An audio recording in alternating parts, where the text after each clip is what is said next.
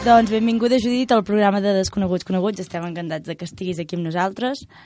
I m'agradaria començar fent-te una, fent una pregunta que normalment faig a tots els investigadors que passen per aquí a la ràdio, i és què és important per tu per fer recerca? Bueno, eh, a veure, d'entrada, per mi, no, la, la recerca per mi és important en el sentit que dona resposta no, a qüestions o problemes quotidians, no, problemes que ens trobem en la pràctica. Clar, jo em considero una investigadora molt, molt novella, però a més a més, eh, però molt pràctica, no? molt vinculada a la pràctica assistencial. No? I després, per mi, la recerca és com evidenciar, no? amb, científicament i amb rigor, eh, que allò que fem a la pràctica funciona. No? O, bueno, això. I ens podries explicar una mica la teva trajectòria com a investigadora perquè ens coneguin, et coneguin una mica, per molt que siguis novella? Bueno, la meva trajectòria és petitona, eh? De fet, comença, eh, jo crec que als voltants del 2013, vull dir que és molt recent, i comença amb la meva tesi doctoral, no? Eh, que ha donat la volta no? sobre temes de, de teixir no? i l'efecte terapèutic del que és el teixir, no? el fer mitja, el ganxet, el, i m'he centralitzat, m'he enfocat aquí. Vull dir que és curta, no et puc donar gaire, gaire més informació. I quina és la teva línia de recerca? És a dir, què és el que t'apassiona a l'hora de fer recerca o el que t'apassionaria fer en un futur com a investigadora? A mi el que m'apassiona és eh, el que és vinculat amb el que és la teràpia ocupacional, no? és a dir, tot el que és l'ocupació no? eh, que fem les persones en el nostre dia a dia, no? Des de les activitats més bàsiques de la vida diària, activitats de lleure o inclús la nostra, la nostra feina mateixa, no? que fem el, el treball, no? diguéssim, i el que a mi m'apassiona, diguéssim, és eh, com això pot arribar a ser terapèutic, no? com utilitzar diferents activitats. Sobretot jo em centro molt en el que són les activitats artesanals, no? el que són les manualitats i quin efecte terapèutic tenen aquestes. No? M'he centrat sobretot en el teixir, perquè jo bueno, he teixit des de molt petitoneta i, i m'encanta, no? I per mi és la meva teràpia, no? Vull dir, no, és, és el que, el que m'ajuda doncs, a desconnectar dels problemes diaris, dels mals de caps, no? I, bueno, i t'adones no, que quan comparteixes des de la... Ara et parlo molt des de la meva part eh, personal, no? Quan comparteixes aquesta afició amb altres persones, no? Eh, t'adones que hi posen com aquesta etiqueta de, de terapèutic, no?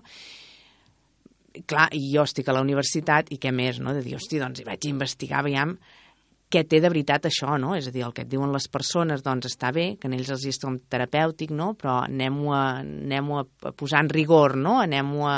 Aplicar. A, aplicar, no? A investigar, a veure què hi ha de terapèutic, què és el que fa terapèutic una activitat, i a mi això és el que m'apassiona. I he començat pel teixir, i suposo que continuaré pel teixir perquè crec que falta molt aprofundir en aquest camp, però vull mirar altres activitats artesanals també, perquè realment eh, és cert que en els últims anys no, hi ha hagut un boom amb tot el que són les activitats artesanals, hi ha un munt de gent no, que fa activitats artesanals de diferents tipus i veus que està com molt en boga, no? que, que cada vegada hi ha més gent que ho fa i gent que no té res a veure amb la seva professió no? i que no ho diries mai, no? i dius, hosti, què hi ha aquí? No? Per què la gent va buscar això, uh, això no?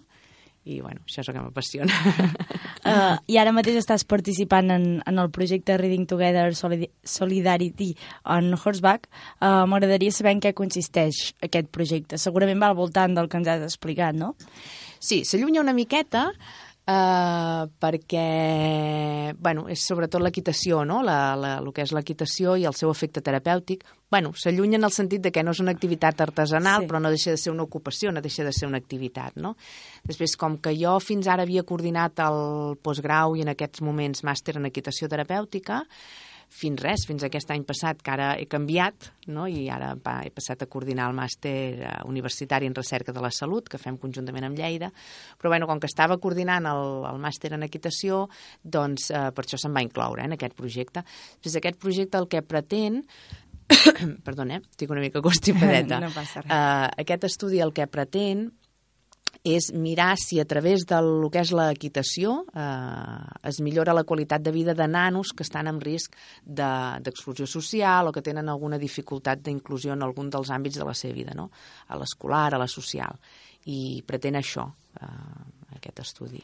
I de quina manera hi participa el grup de recerca on estàs vinculada? Mira, participa perquè, bueno, com a membre del grup de recerca que sóc, i som dos investigadors d'aquest grup de recerca i també hi participa un investigador del grup SAMIS. Val?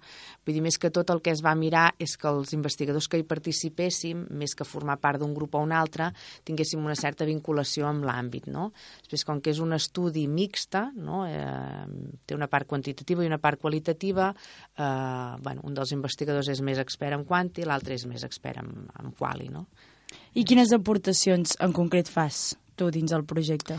Jo estic en tota la part, bueno, assessorant en la part de metodologia més, eh, més qualitativa i portant eh, un dels, un dels centres d'un dels països, és a dir, participa en tres països diferents, l'estudi és un Erasmus Plus, vale?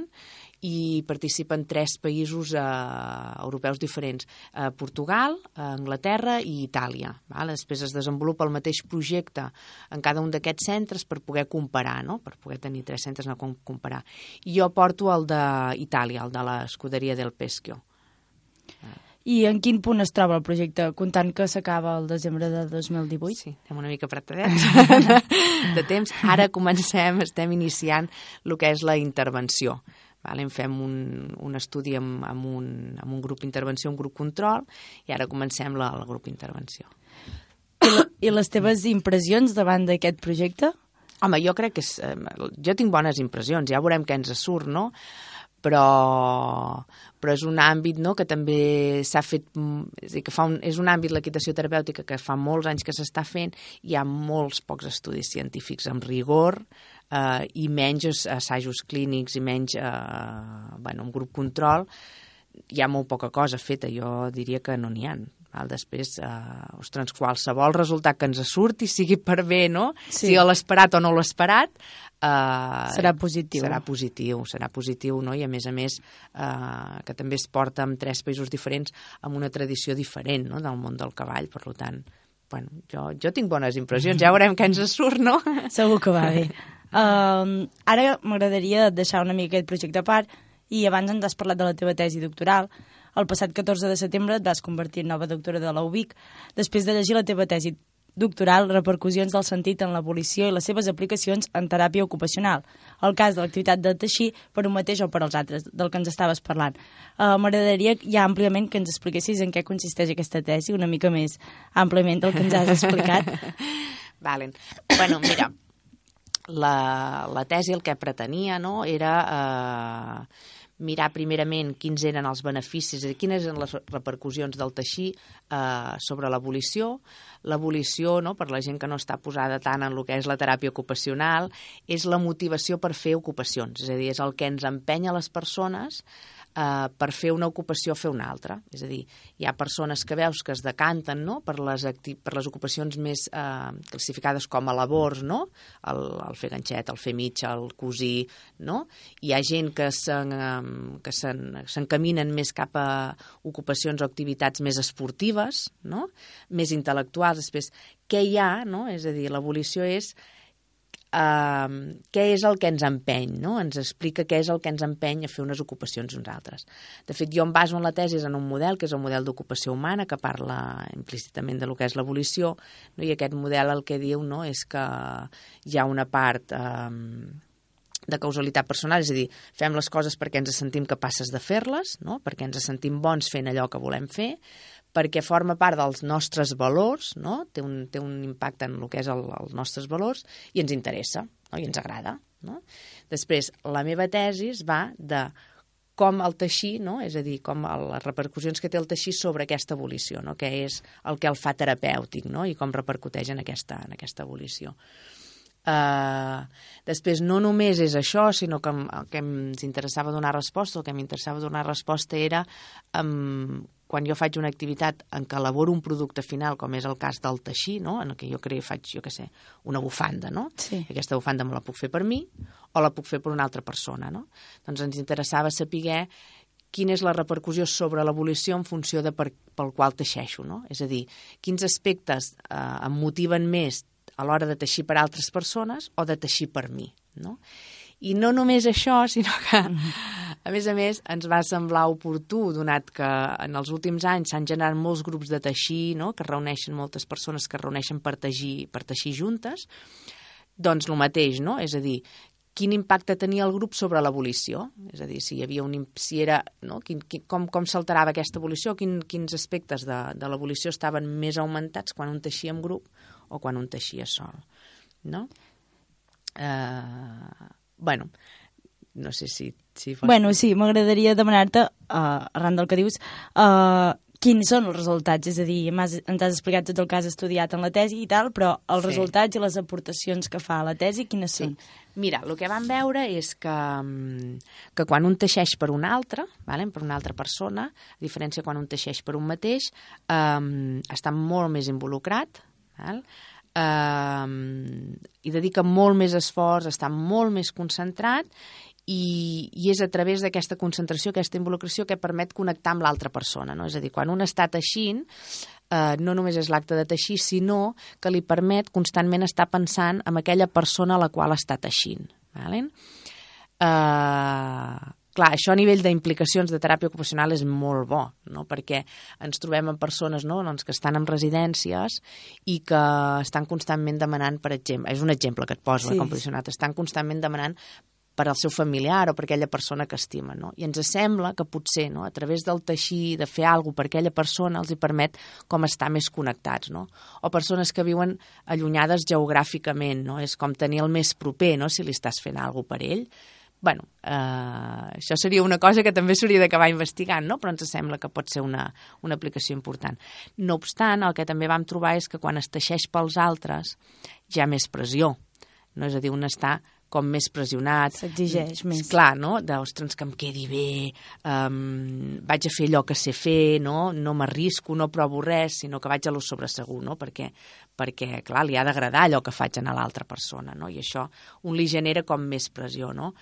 Uh, per tant, persones que millor són novelles aprenent o que estan començant a teixir, eh, potser el millor és començar a fer-se alguna per ells, però sempre pensant en què podran teixir per una altra persona. No? És a dir, mira, a mi m'agradaria fer, jo què sé, un buf per la meva iaia, no? i girem la truita, que sempre ha sigut al revés, és a dir, sí. les iaies que teixeixen per les netes, no? doncs aquí ho podem fer al revés, és a dir, a mi m'agradaria teixir alguna per la meva iaia, no? perquè és algú que el que m'estimo, el que és una manera de demostrar-li el meu afecte, no? fent-li alguna per ella, um, però clar, és que no en tinc ni idea de teixir, no? i això em, em, em genera molt estrès, molts nervis, doncs bueno, començo fent alguna per mi, però el fet de pensar que li podré fer alguna per la meva iaia és com que em motiva molt a fer l'activitat. No sé si m'he explicat sí, bé o no. Eh? és buscar una motivació, sí. però al final acabar-ho fent pels altres. Exacte, no? I, però, però rebaixem aquesta pressió no? i comencem a fer de baix, mi, no? des de zero. Exacte. I després, a nivell de grup, eh, el que vam trobar com a resultat és que la gent teixeix en grup, no? perquè és una manera de socialitzar-se, no? és un espai de socialització, i per a algunes persones és un espai per activar-se, és a dir, a mi m'obliga a sortir de casa, m'obliga a arreglar-me, m'obliga a tenir una rutina, no? i això és molt bo, per exemple, per persones que estan soles, no? per gent gran, eh, clar, és un gran potencial, és un gran activador, no?, el teixir en grup. Um, I també és un espai en el qual un um, pot augmentar la seva causalitat personal, no? és a dir, el sentir-me que sé fer això i que sóc bo amb això. Perquè jo que sé teixir, me'n vaig amb un grup i puc ensenyar a aquell que no en sap tant. Vale? I això és, és molt important del grup, no? és un espai on un pot eh, fer que augmenti la seva causalitat personal. No? I, d'altra banda, també és cert que teixir en grup és, eh, dificulta concentrar-se. No? És a dir, eh, la tesi, en els grups que jo vaig a investigar, tothom t'ho recalca, no? És a dir, al grup porto les coses fàcils, el que no haig de comptar, el que no m'haig de concentrar, perquè al grup hi vaig a parlar. I, de fet, els grups de teixir un hi parla més que no teixeix, sí. no? Però bueno, això és la, el que fa terapèutic, no?, el fer una activitat en grup en aquest sentit, Perquè no? sociabilitzen amb els altres, també. Clar, i comparteixen no, aficions comuns, Exacte. dificultats, problemes que poden estar vinculats amb l'activitat mateixa o amb altres històries de la vida, no? I, i també és cert per això que en el grup, no, sobretot ho vam veure en el grup de persones que començaven a teixir, um, pot aparèixer frustració important quan un compara la seva capacitat amb la dels altres, no? Uh, I aquí s'ha de vigilar una mica, no? Eh, perquè, bueno, hi ha algú que no ho viu com a, un, com a frustració, sinó com un aprenentatge, i li és igual que vagi més endarrere que els altres en aprendre la tècnica, i hi ha algú que s'ho pot passar malament, no? I que se sent frustrat i que abandona, no? Bueno, per tant, és un aspecte a tenir en compte quan un aprèn una activitat nova en grup. En aquest cas ha sigut el teixir, però jo crec que es podria aconseguir extrapolar. Sí, perquè segurament amb altres activitats passaria el mateix. Mm. Uh, M'agradaria demanar-te, mm, em parles de manera molt personal, és a dir, que has fet una tesi en realitat personal sí. que t'ha arribat. Uh, com ha estat el recorregut de, fer aquesta, de realitzar aquesta tesi doctoral? Segurament positiva. sí. el, grup, el, el recorregut ha sigut positiu, perquè realment he fet un tema que m'encanta i que m'apassiona, no? Exacte. i que l'he viscut molt des de dintre i, i la veritat és que he disfrutat molt. És cert que he tingut dues directores de tesis, la Maria Rodríguez, que està a la Universitat de Màlaga, i l'Anna Ramon, que està aquí a la Universitat de Vic, que m'han acompanyat moltíssim, amb la qual ha sigut molt fàcil en aquest sentit. Ara també és cert que hi ha alguns moments difícils i moments complicats com qualsevol tesi doctoral, sí. no? tenint en compte que és algo sobreafegit a la teva feina diària, a la meva feina de mama, no? I, i clar, és, molt, és, és complicat, no? Suposo que si fas una tesi en un moment no? en què tu vas seguint els estudis, acabes el màster i et poses a fer la tesis, és com tot més rodat, no? Quan poses una tesi a la teva vida, no? Quan a la teva vida ja hi ha una família, ja hi ha una feina, no? Hi ha una parella, hi ha una filla, no? Sí. Ostres, hi ha moments que es fa difícil, eh? Moments que es fa difícils perquè no tens temps, perquè no tens temps i, i és molta feina, no? I moltes dades les que has d'analitzar. Però, Però bueno... suposo que el fet de fer una tesi doctoral que, que és algo que, que t'apassiona, també és molt més fàcil fer-la, no? Clar, bueno, és que si no jo crec que no l'acabes. No, exacte jo penso que no l'acabes. Però vull dir que quan valoro, no?, la, la, quan valoro tot el recorregut, eh, és molt més positiu que negatiu, no? És a dir, sí. en alguns moments difícils per això que t'explico, però realment m'ho he passat superbé fent-ho. Ho he disfrutat moltíssim. Ja per anar acabant, eh, m'agradaria, ja com a investigadora que ets, eh, eh, quin consell donaries als estudiants que s'estan plantejant dedicar-se a la recerca? Bàsicament en el teu àmbit, per exemple. Clar, jo els diria que, evidentment, que triïn un tema que els apassioni. Sí. És a dir, si tu no tries un tema que t'apassioni, la recerca per mi no, no perd part de la riquesa que pot tenir. Uh, perquè quan tu tries un tema que t'apassiona, t'hi poses, no? És a dir, t'hi poses fins al moll de l'os, no? És a dir, t'hi submergeixes, no? Intentar fer recerca amb alguna que no t'agrada, mmm, jo crec que l'acabes fent, perquè al final és una metodologia, però jo crec que el resultat no és el mateix, no? I a part de que jo penso, no? I, i sobretot una mica extrapolant-ho amb els estudiants de teràpia ocupacional, no? Um, que aporten moltíssim a la teràpia ocupacional perquè és una disciplina jove i que li falta, no? De, li falta que es faci molta investigació eh, per donar-li molt més valor no? a lo que és la professió. I quina importància té la divulgació científica per un investigador? Perquè és important uh, fer recerca, però també és important que arribar a la gent, no? Jo crec que és l'objectiu final. És a dir, jo penso que si un no fa recerca, si un fa recerca i allà es queda i no, la, no fa divulgació, no explica al món no? què és el que ha trobat, quin és el resultat que ha trobat, per mi no té massa sentit pots haver fet una recerca molt bona, però si no la transmets, mm, no, no, no, no sé, no, és que no sé què dir-te perquè és que realment per mi és implícit no? a la sí. recerca, vull dir, no, no hem de fer divulgació perquè hem de créixer tots plegats i tots ens hem d'enriquir. Si cada investigador d'un mateix camp fa la seva recerca i no la divulga, és que no ens enriquim, no sabem què fem uns i no sabem què fem els altres i per tant no en traiem profit de tot això i no ens enriquim, no creixem no? com a científics. Per tant, una recerca que no es divulga per mi no, no, no té cap, no té cap sentit. És, no, per perquè mi... no arriba als altres i la importància d'això és arribar als Clar, altres. jo, per exemple, he pogut, la meva tesi que he pogut fer, la meva recerca que he fet, he partit del que els altres han fet. I això m'ha ajudat molt. Si aquests altres que han fet no ho haguessin divulgat, jo no ho hagués sapigut i hagués començat de fer de zero, i hagués fet una feina que altres ja han fet Per lo tant, aquest és el, el, el créixer, no? És, Sí. Jo arribo fins aquí, un altre agafa aquí i continua, un altre agafa aquí i continua, no? I anar així anem més creixent gran. tots, clar, i anem fent més gran. Doncs moltes gràcies, Judit, ha estat molt interessant tot el que ens has explicat. Uh, saps que pots tornar sempre que vulguis a Desconeguts Coneguts i estem encantats que hagis vingut. Molt bé, moltes gràcies a tu, Cristina, per convidar-me.